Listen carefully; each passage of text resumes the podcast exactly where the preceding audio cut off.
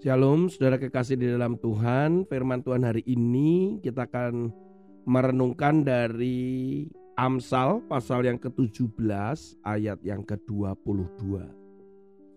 Hati yang gembira adalah obat yang manjur tetapi semangat yang patah mengeringkan tulang. Ayat ini begitu familiar ya dan bahkan selalu menjadi ayat yang favorit terutama di dalam dua tahun terakhir ini ketika masa pandemi corona virus melanda dunia termasuk di Indonesia bukan? Setiap kali orang terjangkit atau ketika mengalami kelemahan ayat ini sering keluar dari mulut kita atau mungkin kita tulis dalam pesan lewat WhatsApp, lewat SMS atau upload di story dan sebagainya bahwa ayo kamu pasti punya semangat, gembira gitu ya. Karena di situlah letak kekuatannya dan selalu ada harapan. Gembira terus karena itu obat yang manjur katanya. Saudara memang secara kedokteran hal ini benar. Bahwa orang yang gembira, orang yang senang itu meningkatkan endorfin. Terus kemudian itu bisa meningkatkan imun Bahkan di dalam dunia psikologi sendiri ada kenal istilah psikosomatis. Orang yang sakit secara fisik tetapi sebenarnya ketika diperiksa tidak ada sakitnya. Ternyata karena pikirannya, karena jiwanya. Ketika jiwanya sakit, pikirannya sedang ada masalah atau mengalami kebuntuan, putus asa, kecewa, hal-hal yang sifatnya emosional itu akan mempengaruhi yang namanya fisik. Sehingga nggak jarang tiba-tiba kok saya pusing ya.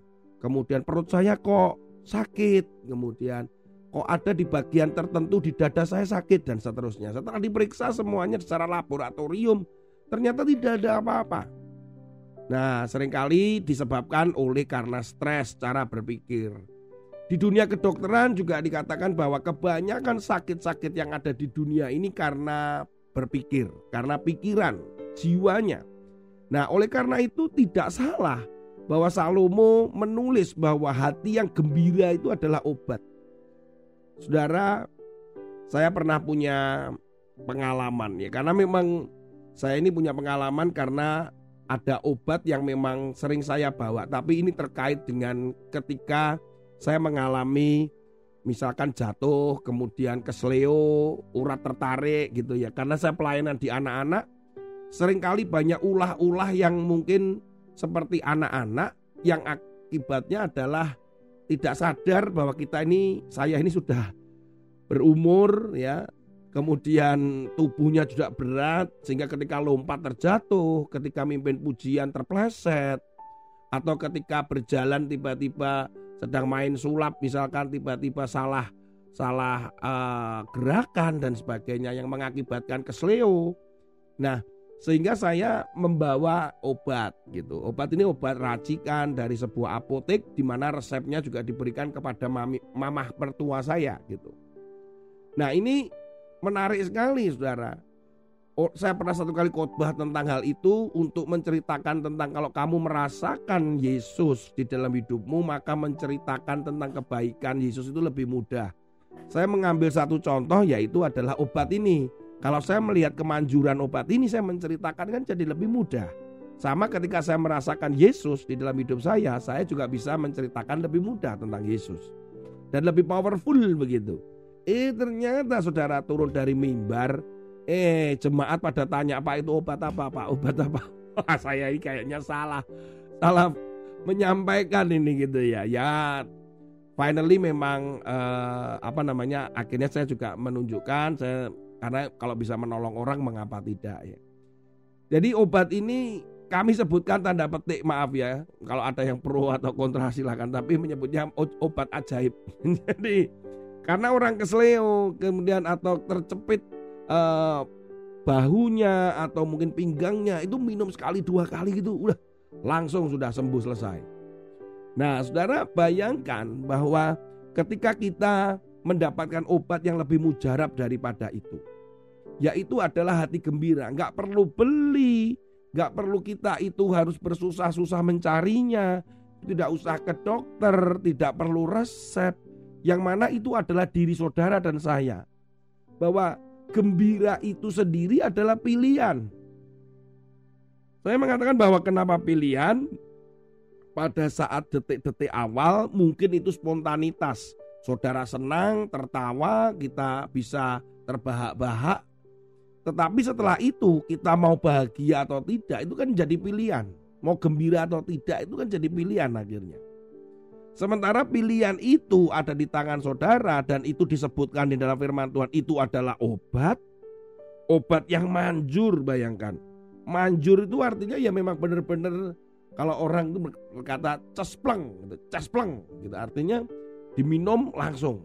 Sama ketika saya merasakan obat ajaib yang tadi, ketika saya ke Sleo habis bulu tangkis misalkan, kemudian saya minum gitu satu, eh besok itu saya sudah nggak nggak uh, mengalami sakit lagi, tangan nggak kesleo lagi dan seterusnya. Bayangkan kalau itu berkenaan dengan penyakit yang lain. Tapi kembali lagi ujungnya bahwa itu tergantung pilihan saudara dan saya. Ketika kita mengalami masa-masa di mana ada pandemik seperti ini atau nanti akan ada sakit apa pun, bahwa hati yang gembira itu benar-benar adalah obat. Saudara, saya pernah melihat sebuah kisah nyata yang di kemudian diiklankan ketika seorang warga Thailand ada seorang yang kena kanker dia pun sudah kemoterapi, kondisinya sudah tidak memungkinkan lagi karena dia sudah stadium akhir. Kemudian suatu hari ketika dia terbaring menunggu kematian katanya. Apa yang terjadi? Dia bangkit, entah bagaimana dia bangkit. Dia memilih untuk gembira, memilih memberikan dampak. Memilih untuk dia tidak mau terpuruk begitu saja. Akhirnya dia pergi ke rumah sakit anak di mana banyak anak-anak yang juga mengalami sakit kanker pada stadium akhir. Dia membawa gitar, dia nyanyi di situ, kemudian mereka bermain bersama-sama dan itu yang dilakukan menjelang akhir hidupnya. Ada begitu banyak orang yang kemudian terpuruk. Kegembiraan itu saat itu saudara memang akhirnya dia meninggal dan mati karena sakit kankernya. Sakit kanker yang bukan karena pikiran, tetapi pilihan untuk gembira itu melupakan sakitnya dia. Itu bagi saya, menurut saya, itu adalah kesembuhan. Ketika dia gembira, dia melupakan sakitnya, itu adalah sebuah kesembuhan secara batin. Secara rohaninya, dia bangkit karena dia percaya bahwa dia sedang dipakai Tuhan untuk melakukan sebuah tujuan yang Tuhan mau. Kegembiraan itu adalah pilihannya dia dan dia terus berkarya. Dia memberikan dampak, menghibur orang lain. Kematiannya memberikan sebuah memori yang indah bagi anak-anak yang supaya tetap memiliki harapan. Saudara, tetaplah gembira, jangan lupa gembira. Karena di situlah muncul harapan, di situlah kita bisa membagikan kegembiraan itu dan kasih Kristus kepada orang lain kita membuat lupa dengan penderitaan kita, penyakit kita. Dan di situ secara kedokteran pun saudara bahwa hati yang gembira kembali lagi. Ada hormon-hormon termasuk endorfin dan sebagainya itu membuat imun, membuat antibodi setiap manusia meningkat. Selamat bergembira dan temukan obat yang lebih ajaib. Tuhan Yesus memberkati. Amin. Hati yang gembira adalah obat. Hey, seperti